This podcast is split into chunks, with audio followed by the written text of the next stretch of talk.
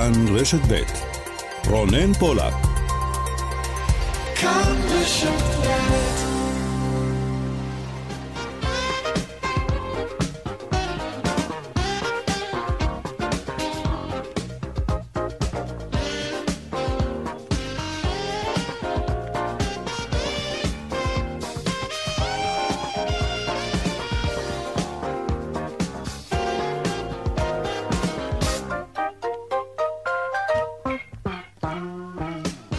ארבע ועוד חמש דקות, צבע הכסף, התוכנית הכלכלית כאן ברשת ב', שלום לכם ותודה שאתם איתנו. היסטוריה, כעת בטורקיה, לראשונה אחרי 15 שנים, ביקור של נשיא ישראלי במדינה, אחרי ניתוק כמעט מוחלט בקשרים שבין שתי המדינות. הנשיא הרצוג זכה לקבלת פנים ממלכתית, חמה וחגיגית עם נחיתתו באנקרה לפני שעה קלה. בהמשך הוא ייפגש עם הנשיא ארדואן, על פי הזמנתו, ועם חברי הקהילה היהודית באנקרה ואיסטנבול. הנה כך זה נשמע שם לפני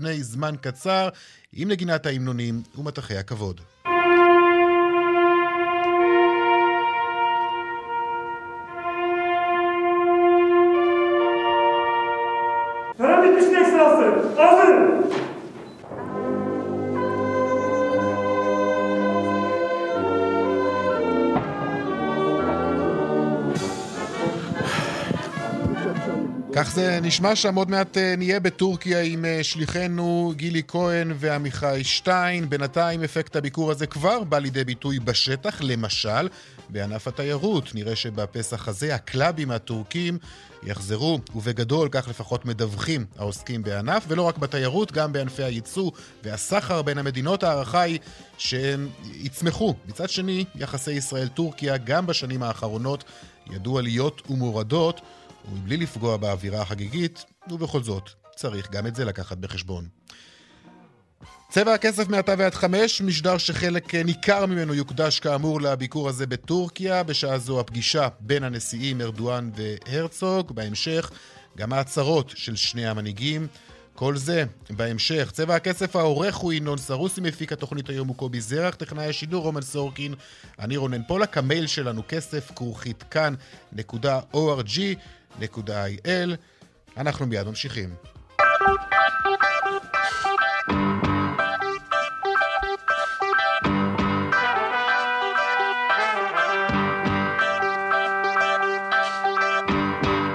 טורקיה, שלום לכם גילי כהן ועמיחי שטיין, כתבינו המדיניים, שליחי כאן חדשות לאנקרה, שלום.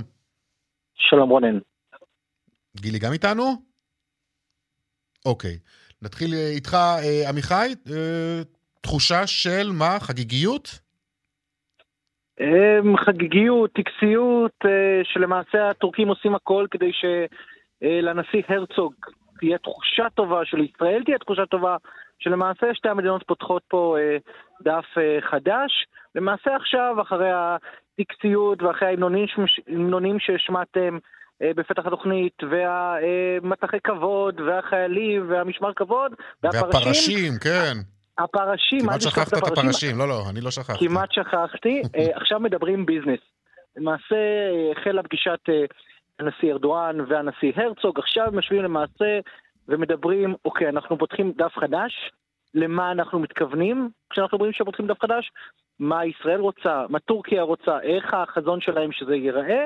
אה, כרגע זה ארבע עיניים, ארבע עיניים, אחר כך זאת תהיה פגישה מורחבת, ואחרי זה, אה, בסביבות אה, חמש ומשהו שעונכם, אנחנו גם אמורים, אמורים לשמוע הצהרות משני המנהיגים, בלי שאלות, אגב, זה לא מסיבה עיתונאים, זה הצהרה.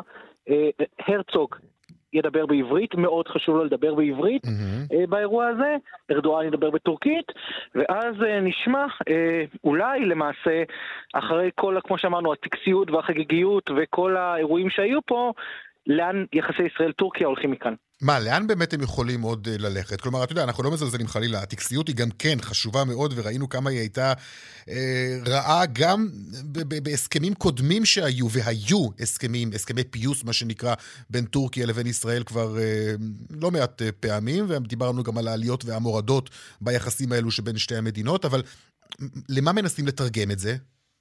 אז צריך להגיד את האמת. קודם כל, מבחינת אה, יחסי תיירות ומסחר, היחסים האלה נמשכו די אה, אה, די רגיל, כלומר, גם אם הייתה ירידה מסוימת אולי בתיירות, המסחר עצמו נמשך כרגיל, ותיירים המשיכו להגיע לטורקיה, ולכן בזווית הזה לפחות, בזווית הזאת לפחות, העסק נמשך כרגיל. הבעיה הגדולה תמיד הייתה אה, בין הדרגים המדיניים, נושא שגרירים שעדיין אין בשתי המדינות. אה, נושא חמאס, מסגרת חמאס שנמצאת בטורקיה, אה, יחסי טורקיה ואיראן, כלומר הנושאים האלה למעשה זה הנושאים שהיו צריכים בישראל לראות mm-hmm. את השינוי או לראות את הצעדים או לראות פעולות כאלה ואחרות, כי כמו שאמרתי, בנושא המסחר והכלכלה היחסים די ימשיכו כרגיל בשנים האחרונות, אפילו, אפשר לומר, אה, גם עלו מבחינה מספרית. אה, אבל אה, הסיפור הגדול זה כמובן הנושאים המדיניים, אותם נושאים שבין היתר בגללם ישראל הלכה אולי להרפתקה הזאת מחדש. כן, אוקיי. בגלל האפשרות אולי לפגוע בחמאס, אולי האפשרות לפגוע ביחסי טורקיה-איראן, כאמור, זה הסיפור פה. טוב, אני רוצה לצרף את uh, גילי כהן, כתבתנו המדינית, גם כן נמצאת uh, שם, שליחת כאן חדשות uh, לאנקרה. גילי, שלום, שלום עכשיו אנחנו שומעים אותך. Uh, איך את uh, מתרשמת, uh, תחושה הזאת שמה של להיות עכשיו בטורקיה, בטקס הזה, ודיברנו גם עם עמיחי על uh, הצורך לתרגם uh, בסופו של דבר uh, את ההסכם הזה לתכלס, אבל מה? אה, זו בדיוק השאלה. אה, יש פה בעיקר אה, פלסטיקה ורטוריקה ותפאורה של דיפלומטיה, כך זה נראה בדרך כלל. Mm-hmm. הרבה דגלים, הרבה סמלים, הרבה ניסיון לשדר מסר חם ואוהב. השאלה מה קורה בסוף בחדרים הסגורים, זו בדרך כלל נקודת המבחן. זה מה שקורה כרגע, הנשיא הרצוג כרגע, עכשיו, עדיין, בפגישה בארבע עיניים עם הנשיא ארדואן, לפני זמן קצר חתם בתק... בספר האורחים של ארמון של ארדואן, חתם גם בעברית.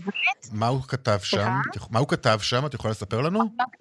אם אני אצליח לפתוח את זה במקביל אוקיי. לשיחתנו. אמ, לפחות בחלק אה, אה, בעברית הוא כתב כך. שנייה. כן, כן, זה בסדר, כן. אנחנו ממתינים לשמוע מה כתב הנשיא הרצוג בספר האורחים בארמון הנשיאות אה, עם, לקראת הפגישה שלו עם הנשיא ארדואן. סליחה? כן, כן, אנחנו שומעים אותך, גילי. אתה שומע אותי, כן, נהדר. כן, כן, אנחנו שומעים אותך. אני פשוט, אה, בזמן שאנחנו מדברים, כן. אני אה, מנסה אה, למצוא מחדש את הברכה. אה, אוקיי, בסדר, בסדר. סור מרע ועשה טוב, בקש שלום ורדפהו, בבר, בברכה נאמנה. with great respect, יצחק הרצוג, נשיא מדינת ישראל, חתם את זה כמובן, את הברכה הזו בעברית. גם אה, אה, המשיך וכתב אה, באנגלית, כתב שזה כבוד גדול לבקר בביקור ההיסטורי הזה, באתר ההיסטורי הזה. זה למעשה המסמך שהוא כתב על הקבר של שאלת הטורק, של מהשליט הטורקי. ואני חייבת לומר לך שלפחות כרגע אני מרגישה שיש קצת סקפטיות, רונן, מהצד הישראלי לגבי היכולת להתקדם לגבי הצעד הבא. עמיחי הזכיר את זה, אני חושבת שהמבחן תמיד אה, בדברים הללו זה מה קורה בהמשך. אז לפחות כרגע בישראל משתדלים לשמור על איזושהי מידה של ריחוק, ריחוק חברתי אם תרצה, אה, מהסיטואציה, כי באמת מהצד הטורקי מנסים לעשות פה הכי מפואר שאפשר, ואת קבלת הפנים הכי חמה שאפשר, ובאמת בשיא אה, אה, רום הטקס הדיפלומטי. אבל בסוף שני הצדדים יודעים שהיחסים הללו ידעו עליות ומורדות, בעיקר מורדות בשנים האחרונות, זוכר, זוכרים את זה, וגם כעת למרות החיבוק העז מנסים לשמור קצת על מרחק, קצת על איפוק, אה, כדי להבין באמת לאן הרוח נושבת, ואי אפשר לדבר על זה גם בלי לדבר על האינטרסים של ארדואן, כרגע הם אלה שנותנים את הטון, בעיקר בפן הכלכלי, גם בפן המדיני, בטח לאור ההתפתחויות העולמיות, בטח לאור המלחמה, גם זה נלקח בחשבון. מה המשך הלו"ז לביקור הזה? אז אה, בשעה אה, חמש אה, שעונכם הצהרות של ארדואן בטורקית, של הרצוג בעברית, ולאחר מכן המראה, הגעה לשדה התעופה כאן באנקרה, המראה לאיסטנבול, שם נעביר את הלילה, מחר בבוקר מפגש עם הקהילה היהודית, משהו שהיה מאוד חשוב לנשיא הרצוג מבחינתו, ביקור בבית כנסת נווה שלום בעיר. בחזרה לישראל. יפה. אמ, טוב, תודה רבה לכם בשלב הזה. אנחנו נשתדל עוד לחזור אליכם גם בהמשך. עמיחי שטיין אה, וגילי כהן, הכתבים המדיניים שלנו, תודה לכם שם אה, באנקרה. עכשיו, אה, נגיד שלום לך, ערן סיקורל, עורך חדשות החוץ שלנו. שלום רונן. ערן, ישראל וטורקיה, הזכרנו את זה כמה פעמים גם בדברים ש... אה, של גילי ושל עמיחי, ידעו בהחלט עליות ומורדות מאז כוננו היחסים בין שתי המדינות. נדמה לי שבשנים האחרונות היו אלו בעיקר ירידות, נכון? כן, המשבר העיקרי שפרץ, בין, כן, בדיוק בין uh, טורקיה לישראל היה משבר המאבי מרמרה, אותה ספינת משט. אה, טורקית שניסתה להגיע לישראל, ואותה השתלטות אה, על הספינה לפני כ-12 שנים, הרבה זמן כבר אה, עבר. מאז היחסים בין שתי המדינות לא השתקמו, למרות ניסיונות חוזרים ונשנים לשקם אותם. למעשה נראה שטורקיה המתינה... אה, לחילופי השלטון אה, כאן בישראל. אה, גם נוצרו נסיבות אזוריות שאפשרו את זה, ואינטרסים אזוריים שאולי פותחים את הדלת עכשיו לשיפור מערכת היחסים בין ישראל לטורקיה. המצב הכלכלי בטורקיה בכי רע, כשהיא מביטה צפונה, היא רואה את מה שמתרחש באוקראינה, מערכת היחסים עם רוסיה איננה טובה. אה, טורקיה במידה רבה מנסה אה, לשפר את אה, מערכות היחסים עד כמה שאפשר בסביבה הקרובה שלה, וישראל היא חלק מהמהלך הזה. אין כאן איזו אהבה גדולה mm. מדי לישראל בטורקיה, אבל בהחלט... איזה סוג של נכונות להשלים כרגע, לפחות לפי שעה, עם קיומה של ישראל. לפחות עד המלחמה הבאה כאן אה, במזרח התיכון, ואנחנו יודעים שזה רק עניין של זמן תמיד מול הפלסטינים. כן, מן הסתם, כן. המחלוקות האלו תמיד אה, יישארו ברקע, אבל בסופו של דבר, למה אנחנו מצפים? לקשרים חמים, אה, או שזה בעיקר יהיה שילוב של אינטרסים? צריך להגיד שברמת העם יש קשרים חמים כל הזמן, גם במהלך התקופה הקשה ביותר. בין ישראל לטורקיה, יחסי המסחר בפריחה. הם אה, המשיכו לשגשג, אה, יחסי, היחסים אה, בין העמים, התיירות נמשכה למרות תקופות כמובן של עליות וירידות, אבל נמשכו, טורקיה המשיכה להיות סוג של האב תיירותי mm-hmm. ותעופתי לתיירים ישראלים, אבל בהחלט אפשר לצפות אולי לחמימות, לשיפור מסוים במערכת היחסים המדינית בין ישראל לטורקיה, לפחות אולי ברמת הנימוס וה, והפומביות במערכת היחסים. אולי לזה אפשר לקוות, בשלב הזה לא להרבה יותר מזה, אבל גם יחסים מנומסים בימינו, זה כנראה לא כל כך מעט. נכון, לגמרי. ערן סיקורל, תודה לך. תודה רונן. Uh, הפסקה קצרצרה של פרסומת אחת, uh, ואנחנו חוזרים עם עוד עניינים שיש לנו כאן uh, בצבע הכסף. עכשיו להשפעות המלחמה על אה, מחירי הסחורות והדלקים. על הדלק כבר דיברנו ארוכות בימים האחרונים, אנחנו עוד נדבר כמובן, הערכות הן שהנפט עוד יעלה, ודאי אחרי ההודעה אמש של הנשיא ביידן על החרפה של ממש בעיצומים על רוסיה. הוא אמר, אה, הוא הודיע אמש למעשה על איסור לייבא דלק, אה, גז טבעי וגם פחם מרוסיה. אבל השפעה נוספת של המשבר הזה על הסחורות היא לגבי החיטה. שלום אה, לך, מנחם גרייבסקי, מנכ"ל התחנות הגדולות של ארץ ישראל בעם, שלום לך. אהלן, צהריים טובים. בוא נתחיל מההתחלה. תסביר לנו איך השוק הזה עובד ו- ו- ואיפה הבעיות שמתחילות. אז בואו נעשה קצת סדר כן. בדברים שקשורים בנושא של חיטה, טחינה, תחנות קמח בישראל וקצת היקפים. אז אנחנו מדברים אה, שבמדינת ישראל קודם כל טוחנים כמיליון טון גרעינים בשנה. אה, אנחנו מדברים על זה שאם אה, יש פה גידולים של אה, חיטה מקומית, היא בהיקפים של 10%. כלומר, אנחנו נדרשים בעצם להביא כ-90% מהחיטה מארצות, מכל העולם. מה שזה אומר, ארה"ב, קנדה, גרמניה, הונגריה, ארצות הבלטיות, רוסיה ואוקראינה, שהן מהוות מעל 30 אחוז מסך כל התצרוכת, בין 30 ל-50 אחוז ולפעמים אפילו יותר. או מרוסיה ומאוקראינה, בעצם חלק אה, ארי של החיטה. נכון מאוד. הן אה, אה, ארצות שמגדלות הרבה מאוד חיטה, הן קרובות אלינו, מחירי ההובלה הם יחסית הם סבירים, ולכן תחנות הקמח מביאות גם משם חיטה. ואני אומר עוד פעם, חיטה היא כמו בני אדם, יש להם איכויות שונות שעל פי פרמטרים של איכות של, של אה, גלוטן ואיכות של גלוטן וספיחת מים וסטביליות ואלסטיות ופלסטיות ועוד כל מיני דברים אחרים, אבל זה בעיות מקצועיות, זה לא קשורות לנושא של. מחיר החיטה. כן מחיר החיטה נקבעת על פי הפרמטרים האלה, כן מחיר החיטה נקבעת בבורסות העולם, ויש קורולציה בין מחירי החיטה למחירי החיטה ביחס לתירס, ועוד לגידולים אחרים, מחירי ההובלה, דלקים וכולי וכולי וכולי. אוקיי, ומה קורה עכשיו בעצם, בעקבות המלחמה הזאת? נוצר מחסור עולמי? אז בוא נגיד ככה. קודם כל, אה, ברגע שאוקראינה סגרה את אה, הנמלים, בגלל אה, האילוצים במלחמה שבין רוסיה mm-hmm. לאוקראינה, אז מאוקראינה לא מגיעה חיטה, ולא שאר, בוא נגיד, גרעינים. אני אגיד את זה יותר מזה, גם מרוסיה כבר לא מגיעה שום חיטה, למעט אוניות בודדות כאלה ואחרות. כלומר, יש מחסור מאוד גדול למי שקנה והזמין חיטה מהמקורות האלה. וחברות בינלאומיות, אנחנו, אנחנו קונים את החיטה הזאת, אנחנו קונים אותה מחברות בינלאומיות. זה לא איזה חברות קיקיוניות, זה חברות uh, ענק, כמו קרגיל, ADM, uh, דרייפוס, נידרה וכולי. וכאשר חברות כאלה לא מסוגלות לספק את הסחורה, אז uh, מפעילות את מה שנקרא בחוזה את פורס מז'ור, כלומר כוח עליון. וזה מה שקורה. זאת אומרת, ואז, ואז, ואז, ואז לא החברות האלה יכולות להפר חוזה? ואז החיטה הזאת יכולות להפר חוזה, Aha. נכון?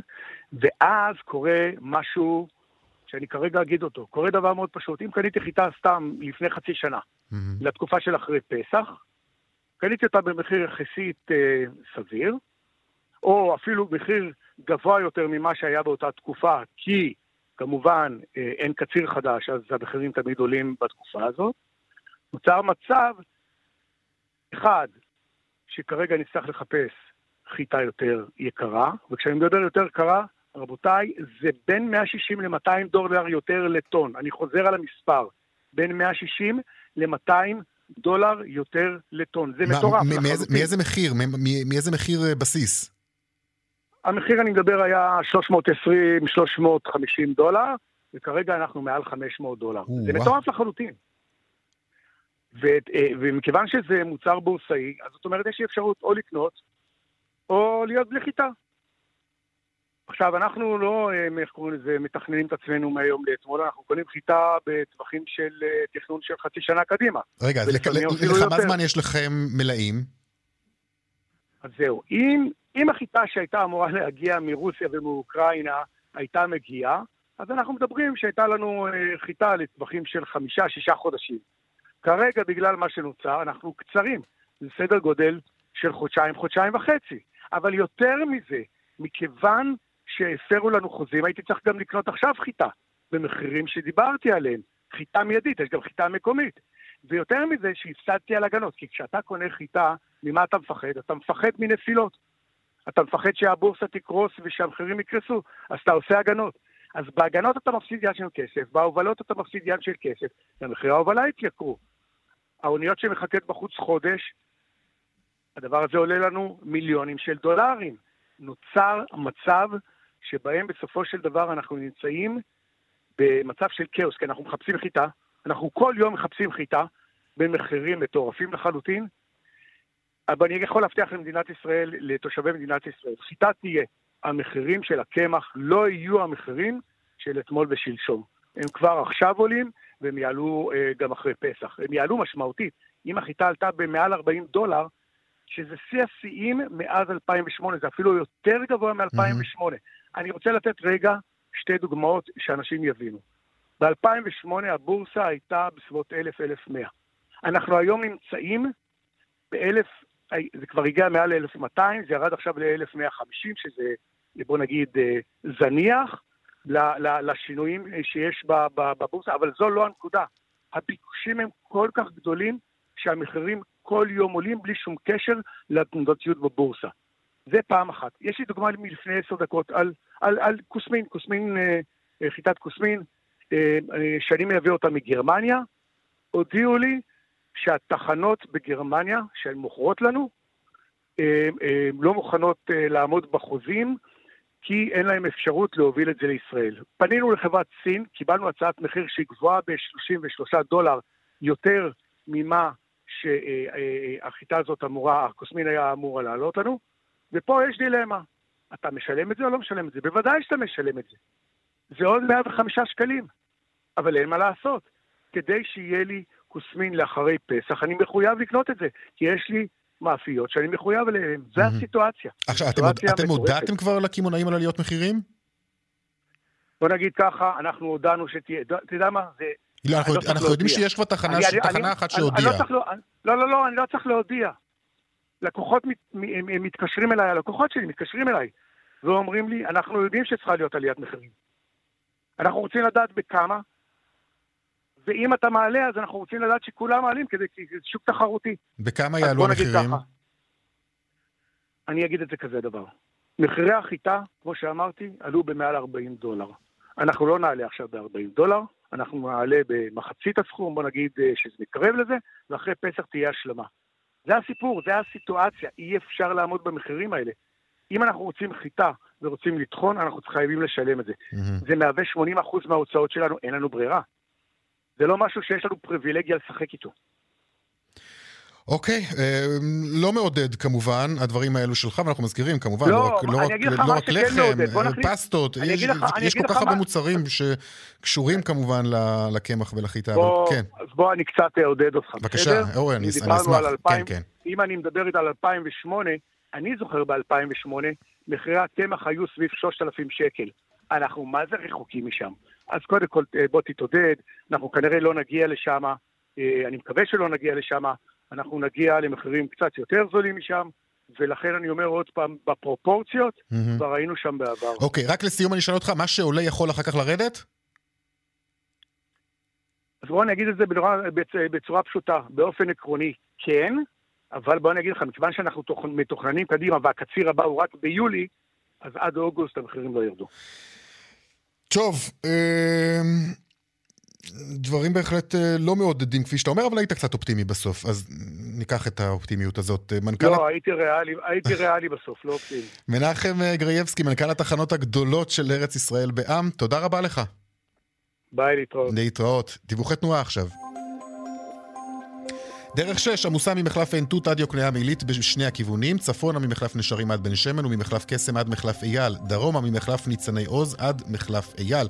באיילון אה, צפונה עמוס ממחלף חולון וקיבוץ גלויות עד גלילות, דרומה ממחלף קרן קיימת עד לגוארדיה, דרך החוף צפונה עמוסה מגעש עד נתניה, דיווחים נוספים בכאן מוקד התנועה כוכבי 9550 ובאתר שלנו.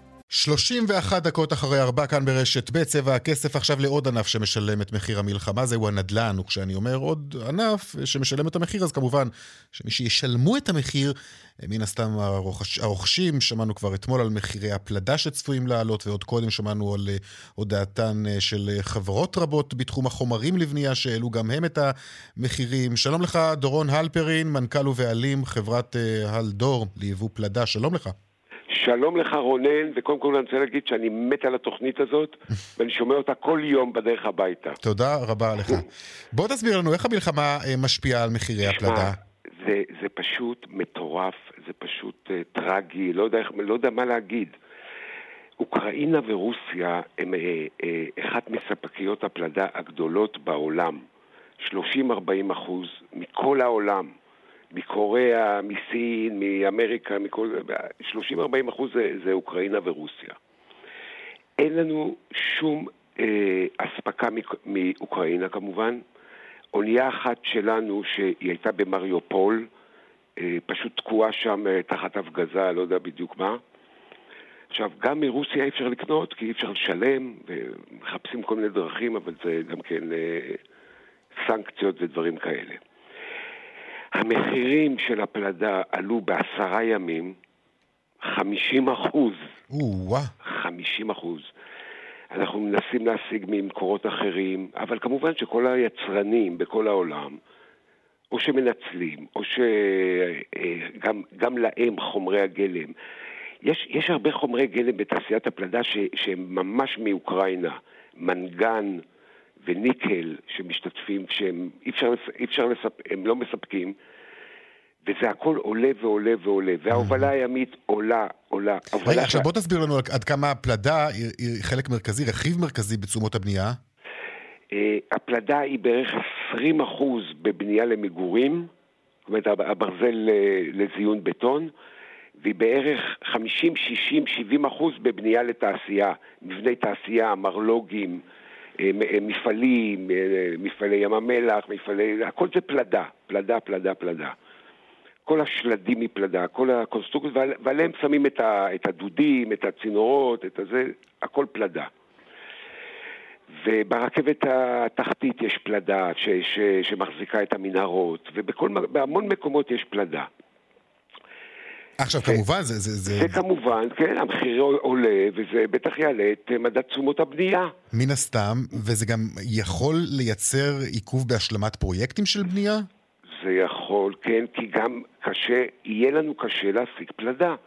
אנחנו נאלצים להזמין מרחוק, מסין, מהודו, שה, שה, שהנסיעה משם היא ארוכה מאוד, ומרוסיה ואוקראינה זה היה הרבה יותר קרוב והרבה יותר מהיר. וזו בעיה גדולה בעולם הפלדה העולמי וגם בארץ. אה, יש, כמו, יש לנו מלאים, אבל הם לא, הם לא יחזיקו כל כך הרבה זמן. Mm-hmm. כי יש עבודה, כי יש אה, ביקוש, כי יש עבודה בארץ. אבל המחירים עולים, והכל עכשיו, יעלה. המחירים האלו שעולים, בסופו של דבר, מי ישלם את המחיר? מן הסתם, אנחנו הרוכשים? אה, בדירות כן, כנראה בדירות כן. אה, איזה קבלן שיתחייב על מחיר בלי תשומות בנייה, אז, אז אולי הוא יספוג את זה, אבל מי, שמ, מי שהחוזים שלו צמודים למדד תשומות הבנייה, אז המחירים יעלו. כי, הפ... כי הברזל עולה, הפלדה עולה. זה קשה להשיג, וההובלות, ההובלות הימיות עלו פי ארבע פתאום. משהו שהיה 50 דולר לטון, נהיה 200 דולר לטון. לכמה זמן המלאי. הקיים יספיק? מה? לכמה זמן המלאי הקיים אמור להספיק? המלאי הקיים יספיק לחודשיים שלושה. Mm-hmm. אבל uh, אנחנו משתדלים להביא. להביא... עכשיו, יש לי, יש לי מקרה מעניין, ספק ממש א' א' אירופאי מספרד, הזמנתי אותו לפני איזה חמישה ימים, סגרנו חוזה, הכל הכל, העברתי לו מקדמה, הוא מרים טלפון, אומר, אני מצטער, אני, אני צריך עוד 30 אחוז. או-אה, זאת אומרת, תוך כדי, אחרי, כדי ח... אחרי חתימה על חוזה כבר... חתימה הוא... על חוזה, הוא אמר, או שאני מחזיר לך את המקדמה, או שאתה מוסיף 30 אחוז. אגב, ועושה, גם ועושה דיברנו עושה... קודם לכן עם מנכ"ל התחנות, תחנות הקמח, כן, שסיפר כן. לנו בדיוק את אותו הדבר. גם כן, אה, אירועים כאלו של כוח עליון, מה שנקרא, שלא בשליטת הספקים, הם מעלים את המחירים בלי למצמץ. רונן, אני פה 40 שנה, אני לא זוכר דבר כזה. אני לא זוכר דבר כזה שחברות מכובדות אומרות לנו... עכשיו, הוא מתרץ את זה שהמחיר האנרגיה עלה לו פי עשר.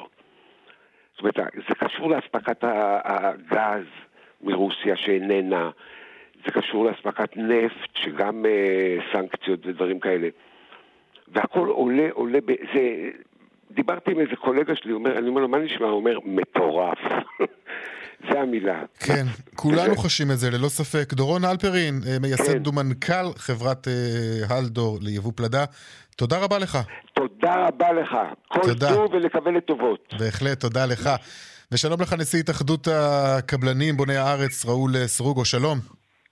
שלום, אחרי צהריים טובים. אתם כבר רואים את ההשלכות של זה? העליות בתשומות הבנייה? בהחלט, בהחלט. כל ספקי הברזל כבר העלו את המחירים, התבשרנו על עלייה של 8% שבוע שעבר באחת החברות. חברה אחרת הודיעה שהיא עוצרת אספקה אה, של ברזל לבנייה, היא לא מסוגלת לעמוד ביעדי אספקה. זאת אומרת, הסיטואציה הזאת גורמת לנו גם לעליית מחירים וגם לעצירה של אספקת חומרים. עכשיו, בלי ברזל באתר בנייה, כל האתר מושבת, אי אפשר להתקדם. Mm-hmm. ויש אתרים כבר שאתם צופים השבתה שלהם? אה, תראה, כל אותם, כל אותם uh, קבלנים וחברות בנייה שהסתמכו על אותה חברה שאמורה לספק, אז כן, הם uh, יעצרו עוד יום, עוד יומיים הם יתחילו לעצר. הזמנת הברזל מתבצעת בדרך כלל שבוע, שבועיים לפני הזמן. אז כך שבשבוע, שבועיים הקרובים אנחנו נצפה עצירה של כמה אתרי בנייה. איחורים במסירה. יש פה עניין של, גם של איחורים במסירה של דירות, גם איחורים במסירה של פרויקטים תשתיתיים. אגב, התשתית, הדבר הגרוע שקרה כאן, זה שרוב קבלני התשתית הם לא מקבלים פיצוי עבור התייקרויות ממשרדי הממשלה השונים ומהרשויות המקומיות. זאת אומרת, הם סופגים את העליות האלה. עכשיו, כל עוד העליות היו מתונות, ניחא. מה שקרה בשנה האחרונה עם הקורונה ועכשיו עם משבר אוקראינה, עלול לגרום לקריסה של קבלני תשתיות בכל רחבי הארץ. וזה עשוי להיות מצב חמור מאוד. תגיד, בכמה זה ייקר את הדירות בסופו של דבר, אה, אפרופו העלייה הזאת במדד אה, תשומות הבנייה? ראשית, העלייה במדד תשומות הבנייה לא משקפת את העלייה האמיתית. אנחנו פנינו אתמול ללמ"ס, המשקולות והנוסחאות בחישוב המדד של הלמ"ס היום מבוסס על בנייה מלפני 15 שנה. ולכן את זה צריכים לתקן, כי העלייה בפועל היא כפולה ממה שהמדד אה, משקף. העלייה הזאת, מה שתגרום זה קודם כל לתשלומים נוספים של רוכשי הדירות, שהתשלומים שלהם צמודים למדד תשומות הבנייה, אז הם ישלמו פשוט באחוזים מלאים יותר. כמה? אתה יודע ב- להגיד לי בכמה מדובר? דירה ממוצעת? ב-2021 המדד עלה בכמעט 6 אחוז. להערכתי, בחצי שנה הקרובה יהיה אותו אותו הסכום. זאת אומרת, העליות שאנחנו חווים כרגע במצטבר של שישה חודשים הם ממוצע של אחוז אחד בחודש. זאת הערכה שלי, אנחנו לא רואים את זה עוצר, זאת הבעיה. ו- וכרגע כל דבר שקשור בחומרים ענף מדינה עולה, גם בגלל מחיר האנרגיה, שמענו קודם אה, מה קרה עם הסולר ועם, הבנזין. החיטה גם, כן. החיטה, אה, למזלנו חיטה, אנחנו לא משמש אותנו לייצור נכון. כן. אבל מלט כן, אנחנו מייבאים מלט מטורקיה. תראה, יש פה גם כן אפקט של שרשרת. רוב החומרים שאנחנו מייבאים, חלק ניכר בהם מגיע מטורקיה, אפרופו הפגישה של ארדואן היום עם, אה, עם הרצוג. אה, הנקודה היא שמדינות אירופה ומדינות העולם מייבאות הרבה גם מאוקראינה ו- ורוסיה. ובגלל המחסור כרגע, אז למי הם פונים? לטורקיה. אז טורקיה מתחילה לספק למדינות אחרות ולא לנו, mm-hmm. כי א' זה קרוב להם יותר, אין, הוצא, אין, אין הוצאות אה, הובלה, והמחיר הוא יותר גבוה. אז לכן אנחנו חווים עכשיו מחסור גם אה, במלט וגם בברזל וגם באלומיניום.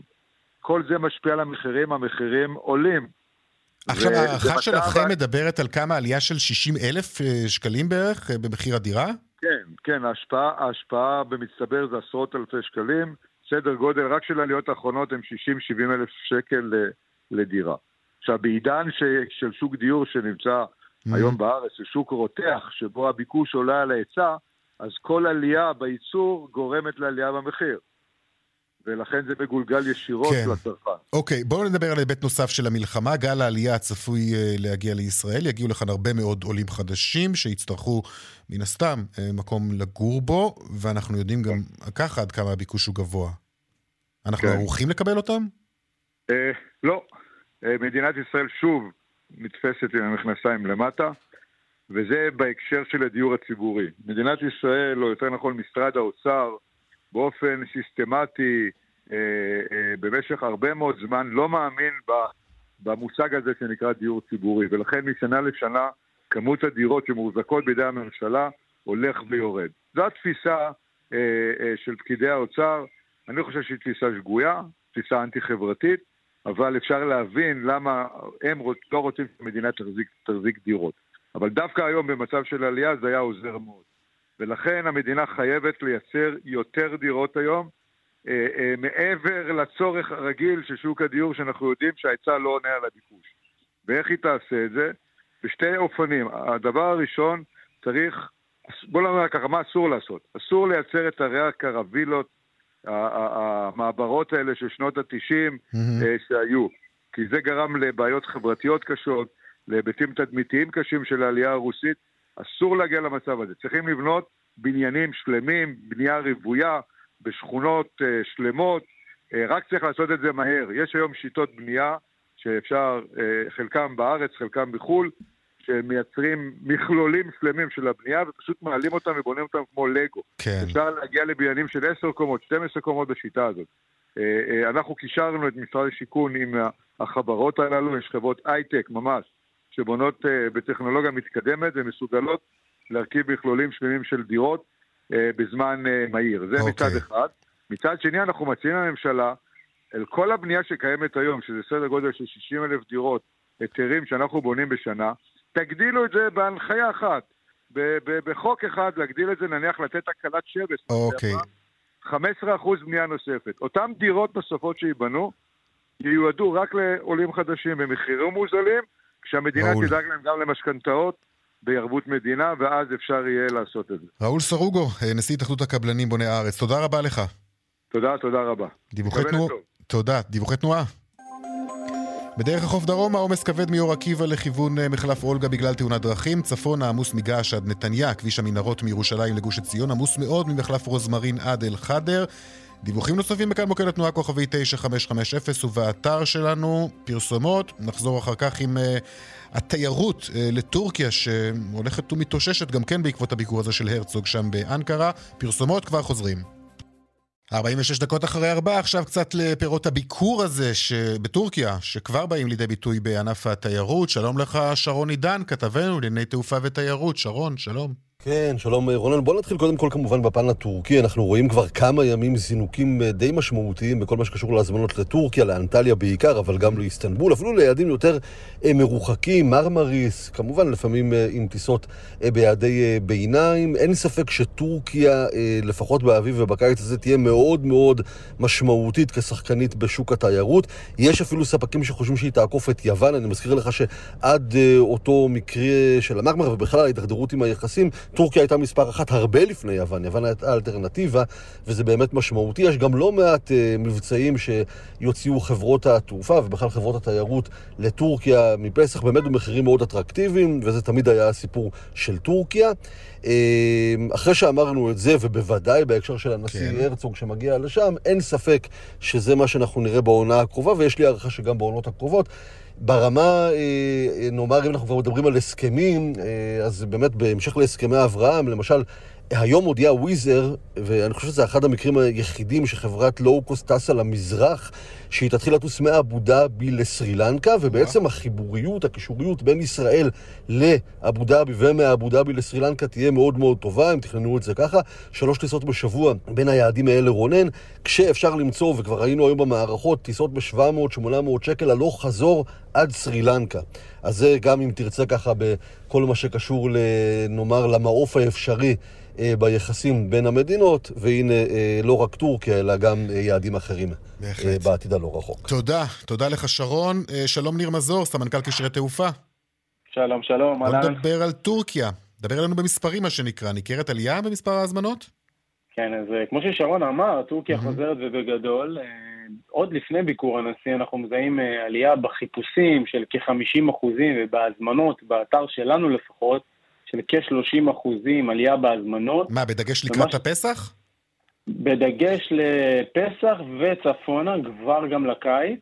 אמ, צריך לזכור שטורקיה, מעבר למחירים, מציעה אמ, היצע אדיר של ריזורטים למשפחות שאין דומה להם, אין שני להם. ולכן המוצרים מאוד מאוד אטרקטיביים, ובהחלט, בהחלט אנחנו רואים את החזרה של כל המגזרים. אם בעבר היינו רואים רק אה, מגזר ערבי אה, שמבצע הזמנות לטורקיה, כעת אנחנו רואים שכל המגזרים חוזרים ובגדול. אה, אנחנו נראה אז הרבה את הישראלים בפסח הקרוב בקלאבים? נראה אותם מלאים שוב?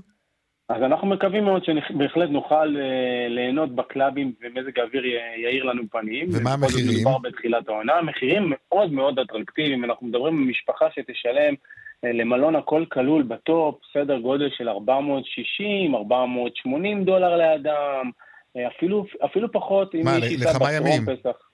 לשלושה לילות, ארבעה לילות. המ. ארבעה לילות זה סדר גודל להכל כלול, חמישה כוכבים ב top של ה top של ה top. מקווה שבאילת מקשיבים לזה גם כן, אה, מנהלי הבתי... לא, שיקשיבו אה, פשוט, שישמעו את המחירים האלו. אה, שיש... הם, הם, הם, הם בהחלט ערים לתחרות שחוזרת.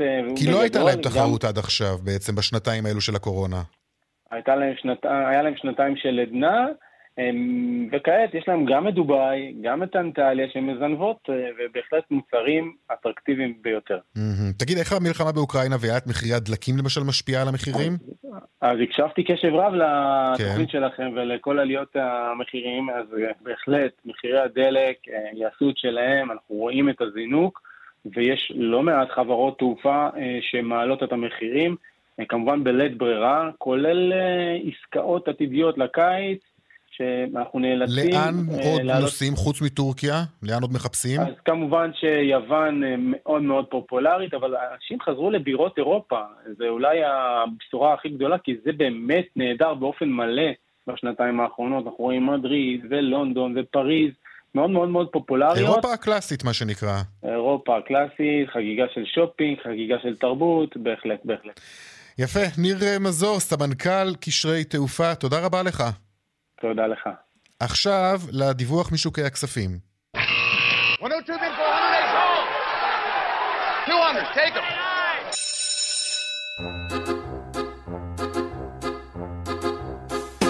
שלום אלה אלקלעי, יושבת ראש IBI, קרנות נאמנות, שלום, מה שלומך?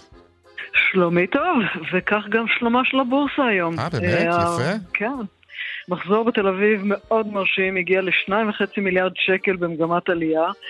המעוף עלה 1.48, תל אביב 90 ב-1.77 והמניות הקטנות עלו ב-1.61. Uh, מעבר לדרמה של רוסיה, חלק מהעלייה זה בגלל דוחות צי, רווחי שיא לבנקים, שהמניות שלהם הגיבו בהתאם, אבל אולי הכי מרשים זה התוצאות של חברת צים, שלפי גלובס רשמה את הרווח השנתי הגבוה ביותר לחברה ישראלית אי פעם. 4.65 מיליארד דולר. Mm. Uh, בארצות הברית החוזים על הדאו בעלייה של 1.95, על הנסדק בעלייה של 2.54, על ה-S&P בעלייה של 2.06. Uh, באירופה uh, הדקס עלה ב-6.24 והיורוסטוקס ב-3.51. חלק מהתגובה על הזוועה באוקראינה והזינוק במחירי הנפט כתוצאה מזה זה ששווי השוק של הרמקו, חברת הנפט של סעודיה, עברה את מייקרוסופט, מתקרבת לאפל עם שווי שוק של 2.3 טריליון דולר. אה, מטח, הדולר נסחר בשער של 3.2616, ירידה של 0.95, והיורו שקל נסחר ברמה של 3 שקלים ו-60 אגורות, עלייה של 0.74. אה, עוד בכותרות היום זה שמקדונלדס, קוקה קולה, פפסיקו וסטארבקס הצטרפו למאות חברות שכבר הכריזו כי יסגרו את פעילותן כן, ברוסיה. מאוד מעניין הסיפור הזה, בהחלט. כן. אנחנו רואים עוד ממש. ועוד חברות אה, שיוצאות מרוסיה, חברות גדולות, מקדונלדס שם. כולל סטרטסיס. זה... הישראלית, חברה המובילה בארץ, סטרטסיס, שהיא יצרנית עולמית של מדפסות תלת מימד, גם הודיעה שהיא יוצאת מרוסיה. כן. טוב, זה בהחלט... Uh... מעניין, אה, ונמשיך לעקוב גם אחרי זה. אלה אלקלעי, יושבת ראש אה, IBI, קרנות נאמנות, תודה רבה לך. יום מצוין. להתראות. חוזרים אליך לאנקרה, עמיחי שטיין, אה, כתבנו המדיני, שלום, שליחנו, שליח כאן חדשות לאנקרה, שלום עמיחי. איתנו? לא, אנחנו לא מצליחים uh, לשמוע אותו, אנחנו יודעים שהפגישה uh, עם הנשיא, uh, בין הנשיא הרצוג לבין נשיא טורקיה ארדואן בארמון באנקרה, איך אומרים, מתארכת מעבר למתוכנן, זה כמעט משפט קבוע שככה אנחנו שומעים אותם, משפט, משפטים כאלו במהלך פגישות ופסגות דרמטיות. עכשיו אתה איתנו, עמיחי שטיין, שלום. שלום רונן, שומע אותי? כן, שומע אותך. הפגישה מתארכת מעבר למתוכנן. כן, דוברו של הנשיא נאור יחיא כן לפני זמן קצר שהפגישה מתארכת מעבר למצופה. אה, אתה יודע, זו האמירה כן, הדיפלומטית השגרתית, אנחנו רגילים לזה ממפגשים קודמים. כדי להעיד, אבל... על, להעיד על פגישה שהיא פגישה טובה וחיובית, אה, נכון? נכון, ברור, ההודעה הזאת נועדה להגיד שלמעשה השיח מאוד טוב, השיח פורה, השיח חיובי, אה, ולכן הפגישה מתארכת. אה, בשעה הזאת כבר היינו אמורים להיות בשלב ההרצאות, ההרצאות, סליחה, ההצהרות. ההצהרות, כן. זה לא, ההצהרות, זה לא קורה עדיין כאמור, שוב, בגלל שהפגישה אה, מתארכת, ולמעשה אנחנו כבר מבינים מה הרצוג הולך להגיד בדבריו. מה? בעוד זמן קצר. הוא קודם כל הולך uh, להודות לארדואן, שהוא למעשה במידה מסוימת יזם את תחילתה של מערכת היחסים הזאת. הוא הולך לדבר על המפגשים, לא המפגשים האישיים, אלא המפגשים טלפונים שהיו להם uh, פעמים הקודמות, וגם על הסיוע שלו בשחרור uh, בני הזוג אוקנין, uh, מה שהראה למעשה באמת ש... רצינות, אפשר להגיד זה מצידו, מעין מעשים מצידו של אה, ארדואן, אבל הרצוג הולך להדגיש בנאום הזה דברים גם שהוא אמר לפני העלייה למטוס, וזה כנראה למעשה המסר המרכזי בביקור הזה.